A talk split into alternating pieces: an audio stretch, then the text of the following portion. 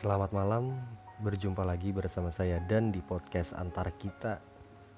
Kali ini saya ingin melanjutkan cerita sebelumnya di episode kedua. Di episode terakhir kali ini tentang cinta memang tak harus memiliki. Jadi di akhir cerita kemarin, waktu itu saya seminggu sebelum berangkat ke lokasi saya mengajak Rika ke satu taman. Taman di mana waktu itu pertama kali aku jemput Rika dan aku ajak Rika ke taman itu. Di taman kami duduk berdua. Di situ aku ngobrol aku ngomong ke Rika kalau minggu depan aku bakalan berangkat ke Kalimantan Utara di sana mungkin aku sekitar enam bulan baru pulang lagi. Di situ Rika sedih. Karena emang setiap kali kita baru aja ngerasain yang namanya kebersamaan ada waktu berdua pasti ada aja halangannya. Di situ Rika nangis Rika berpesan ke aku seperti ini. Dan di sana jangan nakal ya. Makannya dijaga. Jangan begadang. Pokoknya sehat-sehat terus lah di sana. Rika bakal tunggu Dandi kok sampai Dandi pulang.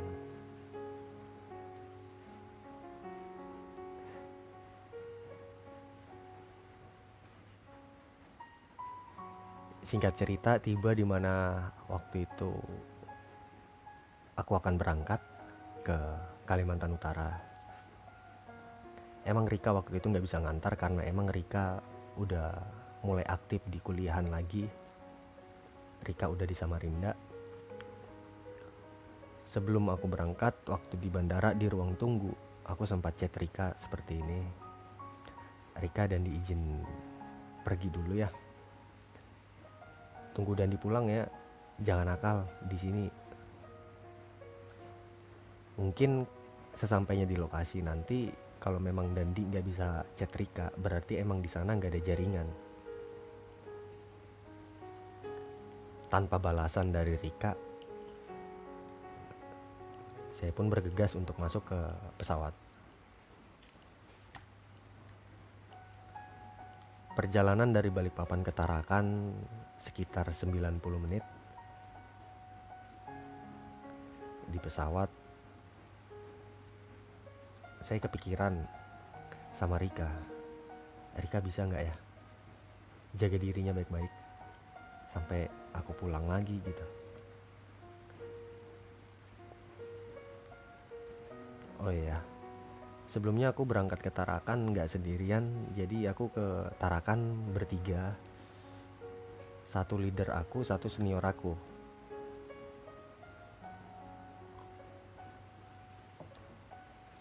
Sesampainya di Tarakan kami menunggu di depan bandara menunggu jemputan bis perusahaan. Kami diantar ke salah satu hotel yang ada di Tarakan. Kami nginep di sana satu malam. Sesampainya di hotel, aku langsung chat Rika. Tapi yang kudapati di sana hanya centang satu. Kalau bisa dibilang sih WA-nya dia nggak aktif gitu. Aku nggak berpikir macam-macam ya mungkin aja Rika udah tidur atau gimana. Saya pun beristirahat karena memang besok harinya saya langsung diharuskan ke pelabuhan untuk nyebrang ke tempat tempat kerja.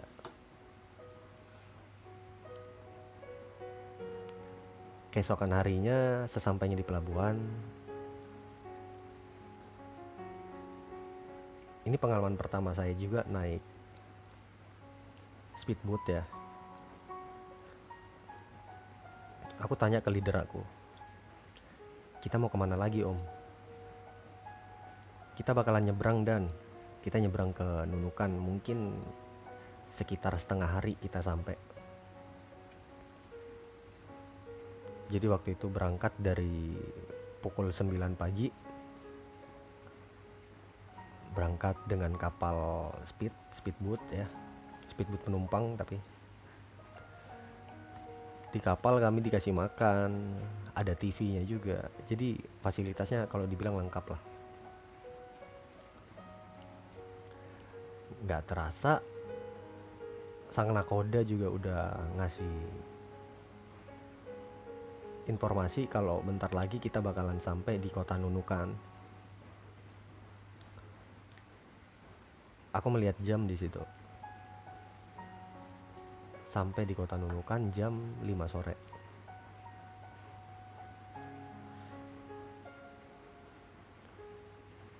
Saya dan leader saya pun bergegas langsung keluar dari kapal. Bukannya langsung cari tempat penginapan atau gimana. Tapi di situ saya melihat leader saya cuma berdiri diam gitu. Dan saya pun bertanya om kita mau ngapain lagi? Kita nunggu kapal berikutnya dan. Jadi kita nanti bakalan nyebrang lagi mungkin sekitar satu jam setengah buat ke sebakisnya ke tempat lokasinya dia bilang gitu sekitar 30 menit kami menunggu sekitar setengah ya setengah enam sore waktu itu. Ada satu kapal kapal perusahaan. Nggak terlalu besar nggak terlalu kecil jadi cukuplah istilahnya buat 10 orang. Saya pun naik ke kapal itu. Di perjalanan yang terlihat hanya hutan-hutan bakau kiri kanan. Dan ada satu gedung tinggi menjulang tinggi gitu. Aku nanya sama leader aku om itu gedung apa? Aku juga nggak tahu dan itu gedung apa cuma di sana itu Malaysia dia bilang. Di sana wah berarti aku bener-bener ada di perbatasan. Jadi waktu itu aku langsung buka HP aku aku buka Google Maps lokasi aku gitu ya lokasi aku bener-bener ada di perbatasan ya. Perbatasan antara Indonesia sama Malaysia ya. Di situ aku tertidur. Satu jam setengah aku tertidur di kapal gitu ya. Aku dibangunin sama leader aku dan udah sampai katanya. Sesampainya di lokasi sekitar jam 7 malam ya. Turun dari kapal ke pos security naruh KTP karena mungkin udah malam jadi nggak terlalu kelihatan jelas. Yang aku lihat cuman semacam kayak gun gunung tapi bukan gunung warna hitam gitu. Setelah aku dekatin ternyata oh ini ternyata yang namanya batu bara. Tinggi sekali gitu. Sekitar 30 menit kami di pos security datang mobil mobil perusahaan datang jemput kami bertiga. Kami bertiga naik naruh barang. Di perjalanan saya melihat satu kubah. Apa ya istilahnya? Bukan kubah kayak kerukan tanah. Dalam banget. Dan ternyata itulah lokasi tambangnya. Kanan kiri banyak banget kerukan tanah gitu. Sekitar setengah jam di perjalanan sampailah kami di salah satu mes. Bukannya kami langsung disuruh beristirahat atau gimana kami disuruh langsung datang ke kantor untuk induksi untuk penjelasan masalah K3 yang ada di perusahaan itu dan segala macam di sana kami menunggu masuk salah satu orang ya bapak-bapak. Di sana kami dijelasin tentang K3 yang ada di perusahaan itu dan segala macam. Aku ngelihat jam waktu itu udah ya jam menunjukkan pukul 9 malam. Kami diantar ke salah satu gedung. Ternyata itu kantin. Kami disuruh makan makan malam di situ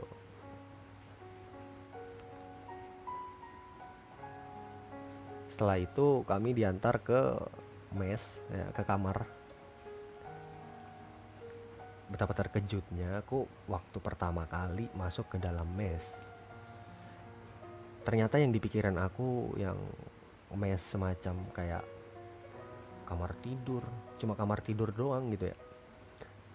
Ternyata beda. Jadi waktu aku masuk mes di situ ada ruang tamu ada dapur ada kulkas dan segala macam. Kamar mandi kamar mandi dalam. Jadi semacam kayak hotel lah istilahnya mesnya. Karena aku juga nggak terlalu ngelihat jelas keliling mes tuh seperti apa karena memang cukup gelap ya waktu itu. Ya kami pun beristirahat karena memang keesokan harinya pagi harinya kami memang harus segera ke tempat kerja ke lokasinya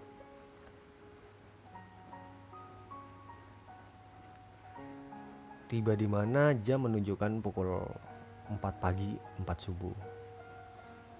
Aku dikejutkan dengan suara alarm alarm perusahaan gitu. Kayak semacam suling kalau bisa dibilang suling-suling ini kayak semacam suling gempa bumi gitu ya. Aku terbangun dan ternyata emang jam segitu waktunya semua karyawan bergegas ke kamar mandi untuk mandi untuk sarapan. Aku mandi, ganti baju, leader aku juga udah selesai, semuanya selesai. Kami bertiga bergegas ke kantin. Di kantin dengan berbagai macam makanan dan buah-buahan yang ada di sana. Ya. Aku ngerasa kayak fasilitasnya ya bener-bener ya bener-bener menjamin lah istilahnya karena emang di situ daftar menu ada dan daftar jumlah kalori dan segala macamnya itu terhitung semuanya di situ ada daftarnya. Jadi kayak semacam kayak ada proyektor. Kami sarapan dan kami turun ke bawah. Di situ ada semacam kayak gazebo luas tempat nunggu bis bis perusahaan gitu. Sekitar 30 menit ya mungkin jam setengah lima pagi mungkin kami naik bis.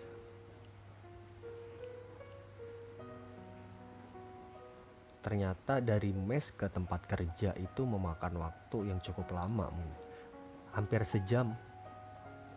Hampir sejam kami sampai di lokasi ya jam 6 pagi waktu itu. Kita langsung briefing di sana langsung briefing. Pengenalan diri karena memang kami baru di sana ya kan pengenalan diri dan segala macam dan kami pun kerja. Ya, setelah itu kita disuruh ikut sama salah satu kabak set di sana. Kami dikenalin ini ruangan ini ini ruangan ini gitu.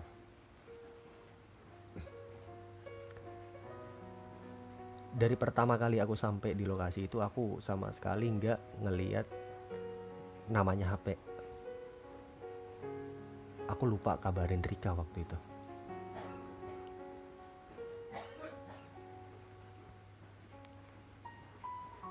Hari pertama kerja pun selesai. Kami kembali ke mes. Waktu itu pukul 5 sore. Sesampainya di mes aku mandi aku makan.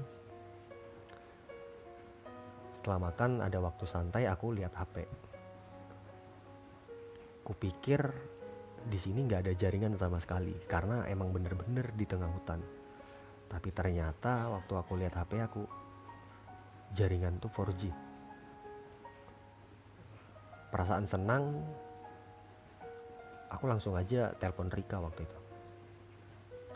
Tiga kali aku telepon nggak diangkat. Dan tiba-tiba Rika chat di situ. aku lagi kerjain tugas. Nanti aja ya teleponnya. Oh ya udah. Pikirku ya mungkin memang banyak tugas.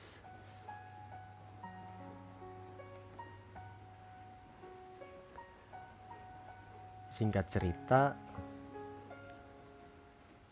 aku udah hampir 2 tahun kerja di sana. Hampir 3 tahun malah kerja di sana.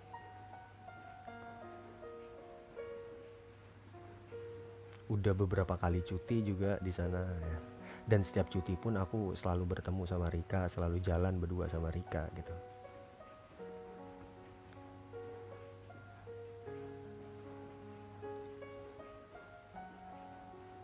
Dan sebelum nyentuh oh ya tiga tahun kerja tiga tahun masa kerja aku di perusahaan itu sebulan sebelum masa tiga tahun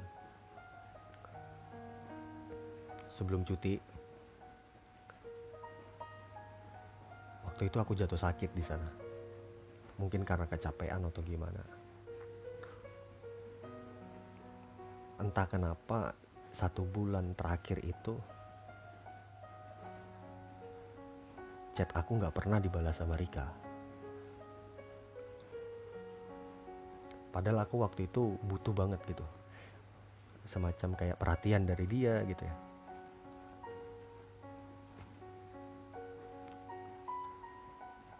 seminggu setelah cuti eh seminggu setelah cuti. Seminggu sebelum cuti. Ada satu SMS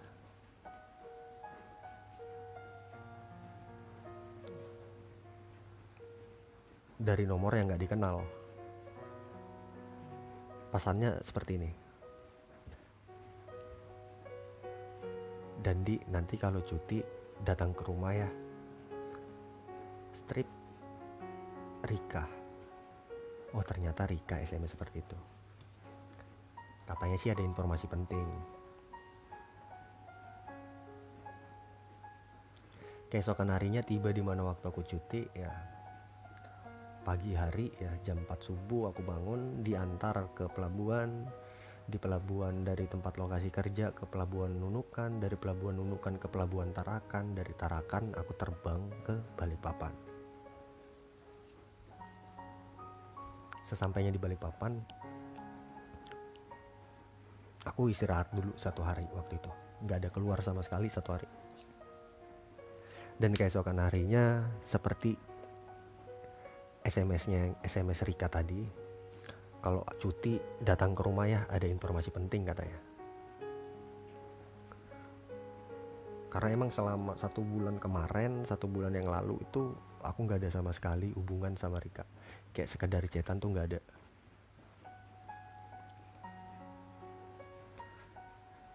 Keesokan harinya pukul 10 pagi mungkin aku ganti baju pakai parfum. Pokoknya istilahnya kayak ya bestel lah. Aku nyalain motor aku berangkat ke rumahnya Rika di sana aku ngeliat rumahnya Rika tuh ramai banget. Ramai keluarganya. Aku lihat ada ibu sama bapaknya di depan pintu. Duduk di teras gitu. Dan aku pun disuruh masuk.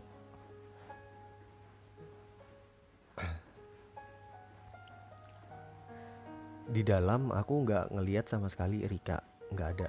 Nggak ada Rika sama sekali di dalam situ di situ aku nanya, Rikanya mana bu? Ibunya menjawab, nah, Rika lagi keluar dan lagi jalan. Dan dia mau minum apa? Kopi kah? Tawar ibunya seperti itu. Iya bu boleh jawabku. Kami pun mengobrol seperti biasa, ngobrol tentang kerjaan aku gimana gitu. Ya mungkin ada sekitar satu jaman aku di rumahnya. Tiba-tiba datang satu cowok ya bersama Rika. Dengan pakaian pakaian pakaian seragam seragam dinas ya angkatan lah. Aku pikir itu keluarganya Rika atau siapa ya. Di situ Rika kaget karena memang ada aku di rumahnya. Dan di situ ibunya langsung ngomong seperti ini ibunya Rika ngomong seperti ini Oh ya Dandi, itu yang kemarin SMS Dandi itu ibu. Ibu pengen ngasih informasi. Sebelumnya kenalin cowok yang itu yang sama Rika itu calon suaminya Rika. Di situ aku kaget tapi aku nggak bisa ngomong apa-apa waktu itu aku langsung tanya ke Rikanya benar Rika kata ibu. Seperti itu. Coba jelasin aku dong. Kamu kenal cowok ini di mana gitu.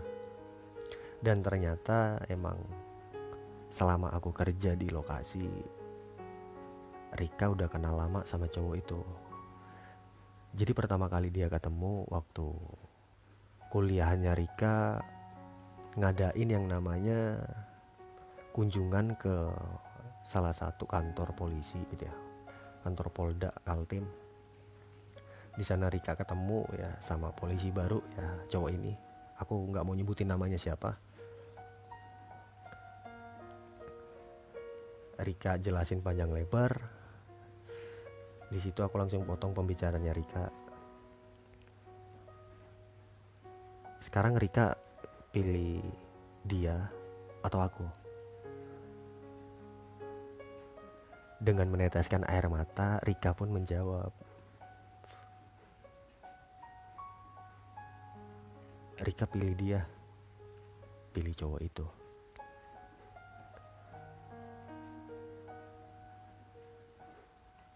Aku nggak tahu mau ngomong apa lagi waktu itu karena memang ya semua perasaan campur aduk di dalam situ. Aku berdiri aku ngomong ke ibunya Rika dan bapaknya Rika ya. Kalau memang seperti ini bu informasi pentingnya juga udah udah aku tahu ya. Dan diizin pulang. Dan ditunggu undangannya. Ya semoga apa yang apa yang dipilih sama ibu bapak dan Rika semoga yang terbaik lah buat Rika. Di situ aku pamit pulang salim sama bapak sama ibunya baru selangkah dari pintu uh, Rika langsung peluk aku dari belakang. Di situ ibunya Rika marah besar. Rika ditarik dan dibilang gini kamu jangan peluk sembarangan cowok. Ini ada calon suami kamu di sini jadi hargain dia. Di situ aku bener-bener kayak ngerasain yang namanya ternyata selama tujuh tahun ini yang gue dapatin gitu. Tujuh tahun aku kenal sama Rika saling support satu sama lain gitu. Tanpa basa-basi aku langsung naik motor aku langsung pergi dari rumahnya Rika. Aku nggak langsung pulang. Aku pergi ke taman taman biasa aku datang sama Rika itu. Aku duduk di situ aku cerita sendiri ya kayak orang gila lah istilahnya cerita cerita sendiri ternyata emang benar gitu. Cinta tuh nggak harus memiliki. Aku sedikit nyesal gitu. Kenapa sih waktu itu waktu SMK aku nyaranin Rika buat masuk di sekolah perawat gitu ya? Aku nggak mikir gitu. Kalau ternyata kebanyakan di kota aku sendiri perawat tuh pasangannya sama polisi. Aku nggak mikir sampai sejauh itu dan ternyata emang bener. Aku ngerasain itu.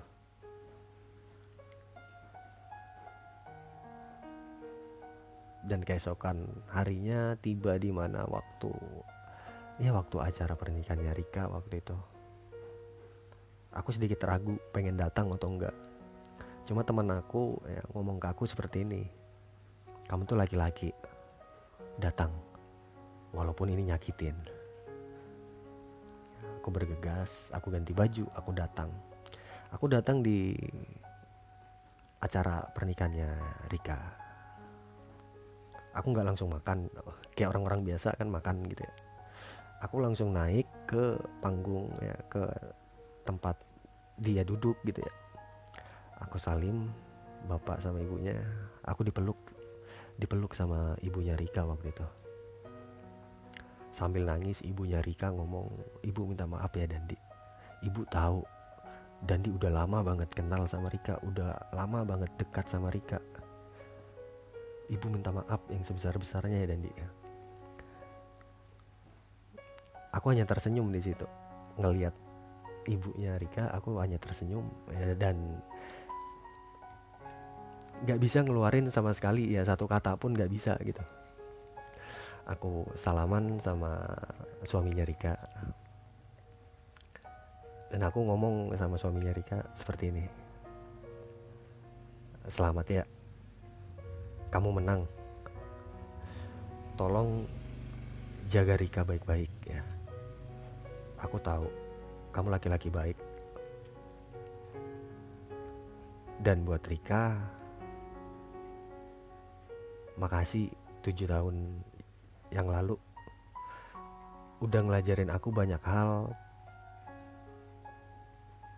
Udah support aku.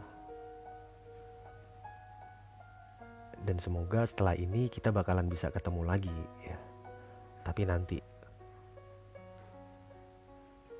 Waktu aku juga udah punya istri. Aku di situ ngomong bukan bukannya malah nangis tapi sambil ya tersenyum sambil ya istilahnya ketawa kecil lah. Padahal dalamnya enggak. Di situ Rika mau meluk aku cuma aku halang. Jangan. Kamu udah punya orang bilang. Sekali lagi selamat aku langsung pergi dari acara itu ya aku nggak langsung pulang seperti biasa aku langsung ke taman. Di taman aku nggak mikir nggak nggak seperti yang di awal tadi yang cerita-cerita sendiri. Di taman aku malah istilahnya kayak ngerasa bahagia kayak ngerasa seneng gitu. Aku bisa jaga satu wanita ya walaupun memang bukan jodohku gitu ya ya. Aku bingung mau ngomong apa lagi ya sebenarnya. Ya mungkin ini ya kalau bagi aku sendiri pengalaman yang sangat gak bisa dilupain gitu ya. Tujuh tahun dekat tujuh tahun saling support tanpa ada status yang benar-benar ya istilahnya menjamin lah jadi ini pelajaran buat temen-temen yang mungkin sekarang pacarannya udah lama gitu ya. Selama apa pun pacaran kalian kalau kalian gak ada yang namanya kejelasan sama sekali bakalan kalah sama orang yang benar-benar udah serius gitu. Gimana ya cara ngomongnya? Ya ini karena ini podcast perdana aku ya aku minta maaf kalau misalkan ada salah kata atau salah ucapan di dalam podcast aku. Jadi pelajaran yang mungkin bisa diambil di sini ya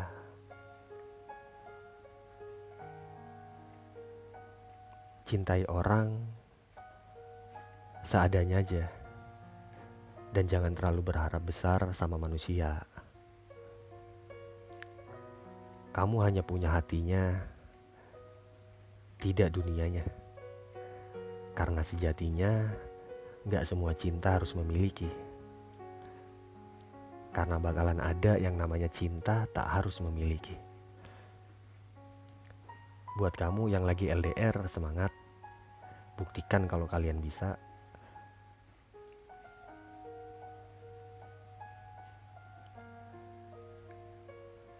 Ini episode terakhir dari kisah cinta tak harus memiliki ya. Semoga bisa menghibur para pendengar yang udah luangin waktunya buat dengerin podcast ini. Sampai bertemu di podcast selanjutnya ya. Sekali lagi salam kenal aku dan dari Kalimantan Timur Balikpapan. Wassalamualaikum warahmatullahi wabarakatuh.